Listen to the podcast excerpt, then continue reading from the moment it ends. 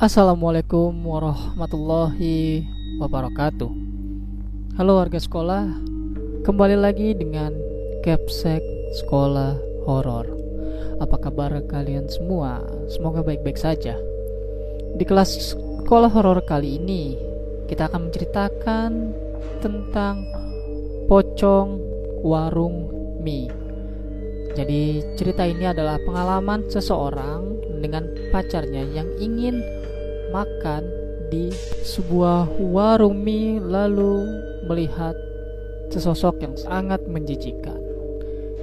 Cerita ini bersumber dari akun Twitter @trisna_aprilian5.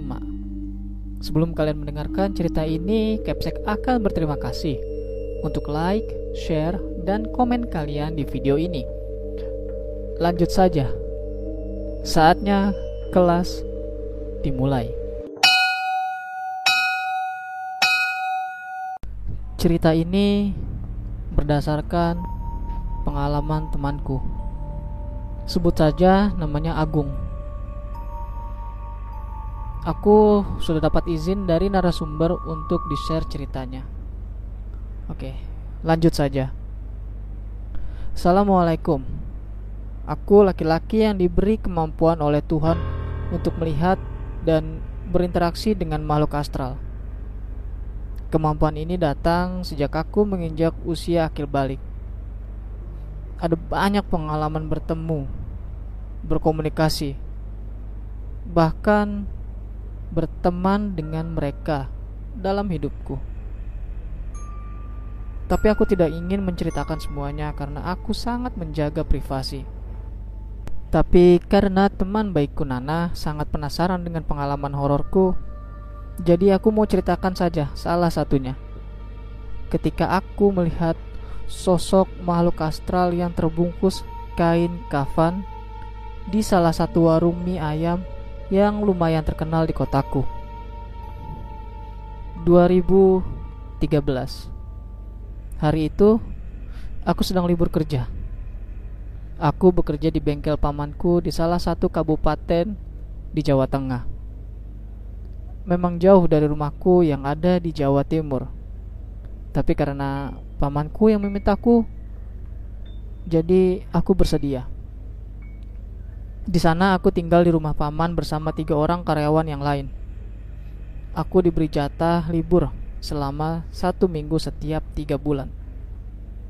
Saat libur, aku pasti pulang kampung untuk melepas rindu kepada orang tua dan juga dia, kekasihku Ana. Hari ini hari Sabtu. Aku menikmati angin sore dengan duduk di kursi teras sambil mendengarkan lagu dari handphone yang kuletakkan di atas meja. Kulihat jam dinding yang ada di ruang tamu yang terlihat dari kaca jendela.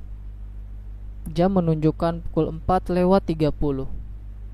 Aku ambil rokok di samping handphone, lalu kubuka bungkusnya. Aku nyalakan sebatang. Tiba-tiba ada telepon masuk dari Ana, kekasihku. Halo, assalamualaikum. Ucapku saat menerima telepon. Waalaikumsalam. Jawab Ana dengan suara lembutnya. Ada apa sayang? Kok ada apa? Kamu udah di rumah apa belum? Katanya hari ini kamu mau pulang. Jadi, Iya yang Sejak jam 1 siang tadi Aku udah nyampe di rumah kok nggak ngabarin aku kalau udah nyampe? Nanti malam minggu loh. Kamu nggak pengen ngapel ke rumahku? Maaf yang Tadi begitu nyampe aku langsung tidur Capek badanku Ya nanti aku samperin kamu di rumah habis maghrib. Ya udah kalau gitu yang. Cepat mandi udah hampir senja nih. Iya. Aku lanjutin ngerokok dulu bentar. Udah terlanjur nyalain. Habis ngerokok Terus aku mandi. Setelah sholat maghrib Aku bergegas merapikan rambut. Kusemprotkan parfum ke badanku. Rasanya tidak sabar. Aku ingin menemui Ana. Aku sudah rindu sekali Pak, Bu Aku keluar dulu ya. Pamitku pada orang tuaku yang sedang menonton televisi. Baru nyampe rumah udah mau berangkat kencan. Tanya ibuku. Kok nggak makan dulu nak? Kamu belum makan loh sejak nyampe rumah siang tadi. Lanjut ibuku. Lah, sayurnya habis gitu bu. Nawarin makan gak ada lauknya juga. Gimana sih? Eh, berarti dihabisin bapakmu, ibu lupa. Ya udah, cepat berangkat sana. Aku mencium tangan orang tuaku. Lalu ku ambil helm dan berangkat ke rumah Ana menggunakan motor Honda Tiger kesayanganku. Rumah Ana letaknya 6 km dari rumahku, tak jauh dari rumah. Aku melihat sosok kuntil anak yang duduk di atas pohon di pinggir sungai kecil. Dia juga melihatku sambil mengayunkan kakinya. Kedua tangannya mengelus-ngelus rambutnya yang acak-acakan. Aku iseng mendekat lalu berkata, "Alah, wajahmu tuh jelek, gak usah sok cantik." Ejekku. Lalu matanya melotot Sepertinya dia marah. Dan aku cuek saja. Dan segera melanjutkan perjalananku. Karena aku sudah sangat sering bertemu kuntilanak yang suka cari perhatian seperti ini. Saat aku hampir sampai di rumah Ana, aku lihat dia sudah menungguku di teras rumah. Dia tersenyum melihatku lalu menyuruhku masuk ke ruang tamu. Di rumahnya ada ayah, ibu, dan adiknya. Setengah jam ngobrol dan bercanda tawa dengan Ana, aku baru merasa sangat lapar. Lalu kuajak Ana keluar untuk makan malam. Enaknya makan apa kita yang? Tanya Ana yang duduk di jok belakang motorku sambil memelukku dari belakang. Apa ya? Kalau udah keluar gini mesti bingung mau makan apa yang. Gimana kalau makan mie ayam aja di dekat kampusku itu loh yang. Mie ayam? Gimana ya? Sebenarnya aku pengen makan nasi yang. Ya mie ayam aja yang. Aku pengen mie ayam nih dari kemarin. Di dekat kampusmu tuh mie ayam apa yang? Di sebelah mana? Dari kampusku selatan dikit Bukannya kamu biasanya kalau makan mie ayam juga mesti yang itu ya? Oh, yang banyak cabangnya itu. Cabang yang lain udah pernah aku coba semua. Kalau yang dekat kampusmu, aku belum pernah. Kenapa nggak di cabang yang dekat sini aja? Biar nggak jauh-jauh ke kampusmu gitu. Kan sama aja. Lanjutku. Duh yang di cabang yang lain nggak ada baksonya. Yang ada baksonya tuh di dekat kampusku itu. Aku suka mie ayam sama bakso. Biarin jauh. Sekalian kencan malam mingguan gitu loh. Gimana sih kamu ini? Pokoknya harus ke sana. Titik. Ana mulai merengek manja. Sifatnya seperti ini. Yang kadang membuatku rindu. Tapi kadang juga membuatku kesal. Kalau tidak dituruti pasti dia marah Mana kalau udah marah awet banget. Dasar cewek. Ya udah ya. Mie ayam plus bakso ya. Siap bos, berangkat. Jawabku pasrah. Kebetulan warung mie ayam itu berada di kiri jalan dari arah kami datang. Jadi langsung aja ku belokkan motorku ke tempat parkir di depan warung. Beruntung juga di situ bebas parkir terlihat gerobak dengan kandang besar khas penjual mie ayam dan bakso yang berada di depan warung. Di sana ada dua orang karyawan yang bertugas memasak dan menyajikan mie. Aroma kaldu khas mie ayam juga tercium. Tapi aku tidak hanya mencium aroma kaldu, tapi juga bau yang aneh, bau busuk seperti bangkai.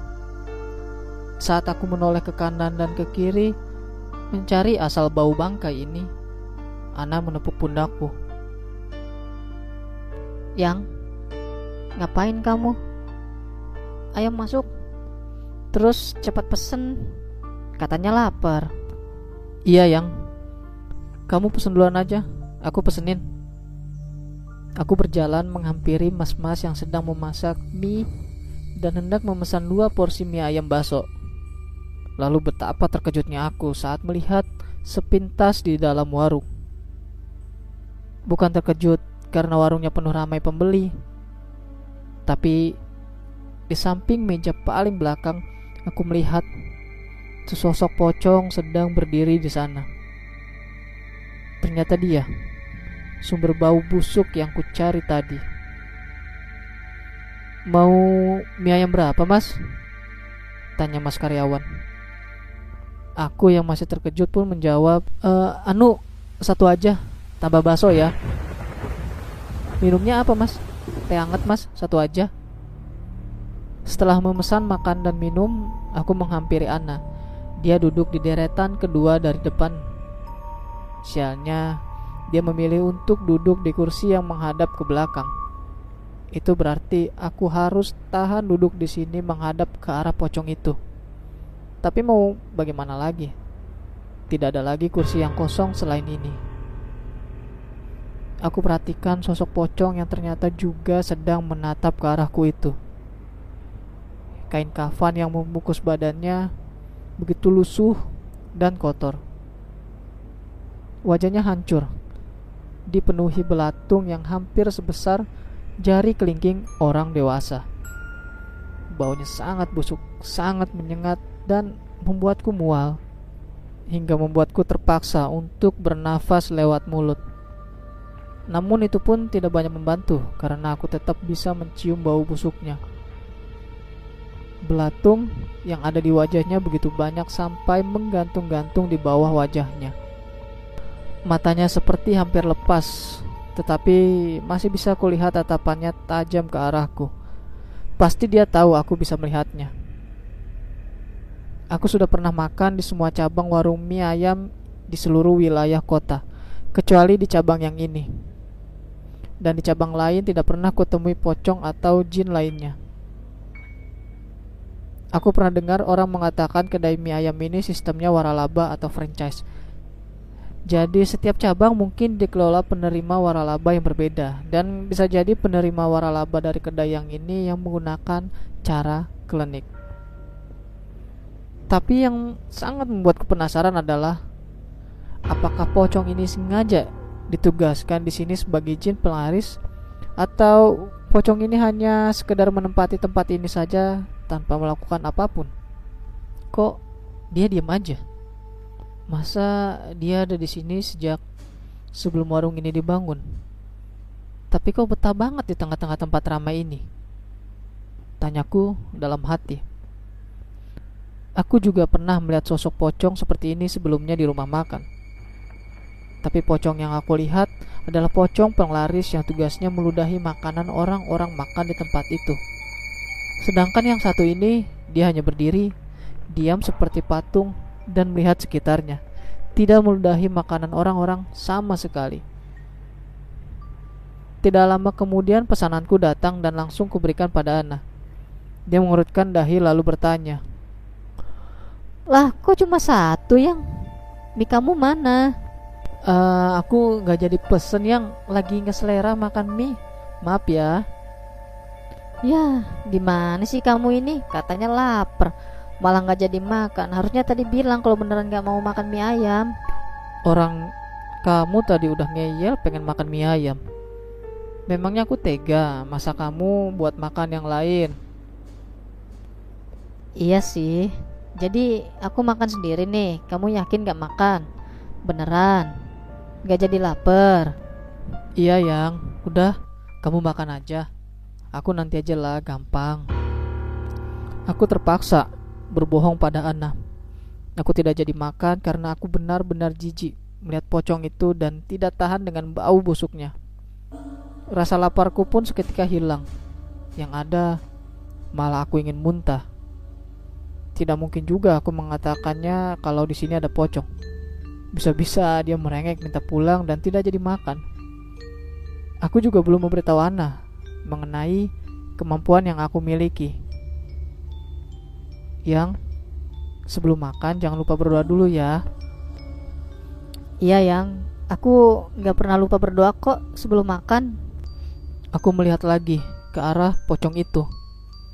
Dia masih matung menatapku. Sebenarnya aku ingin berkomunikasi dengan dia mengenai rasa penasaranku tadi. Tapi kuurungkan karena aku jijik sekali. Yang, kamu kenapa sih kok dari tadi ngeliatin belakang situ terus? Gak kenapa-napa kok yang. Kalau aku ngeliatin kamu, nanti kamu salting gak jadi makan. Jawabku menggoda Ana. Alah, gombal sampai Iki. Setelah selesai makan, aku mengantar Ana pulang. Lalu aku juga langsung pamit pulang. Sesampainya di rumah, aku menyeduh susu coklat untuk menghilangkan rasa laparku. Sekian cerita pengalaman horor dariku. Maaf jika agak kentang. Sampai sekarang pun aku belum tahu apakah pocong itu jin penglaris ataukah dia memang penunggu lokasi itu sejak sebelum warung mie ayam itu ada. Pokoknya pesan untuk kalian yang makan di luar rumah, entah di warung, restoran, atau di pedagang pinggir jalan, berdoalah sebelum masuk ke tempat makan agar terhindar dari energi yang tidak baik. Sekian dan terima kasih. Itu dia cerita mengenai pocong warung mie. Buat kalian yang memiliki kemampuan untuk melihat makhluk astral pasti tentu punya banyak pengalaman dengan makhluk astral dan tempat-tempat makan di tempat umum. Sedangkan buat kalian yang tidak memiliki kemampuan tersebut, mungkin bisa menjaga dan melindungi diri kalian dari hal-hal yang bersifat negatif dengan terus berdoa kepadanya. Sekian cerita kali ini. Terima kasih buat kalian warga sekolah yang telah mendengarkan cerita ini. Dan terima kasih juga kepada akun Twitter at Trisna Aprilian 5 yang telah memberikan kami izin untuk membacakan cerita ini. Jangan lupa like dan share video ini agar warga sekolah horor semakin bertambah. Dan sampai jumpa di kelas berikutnya.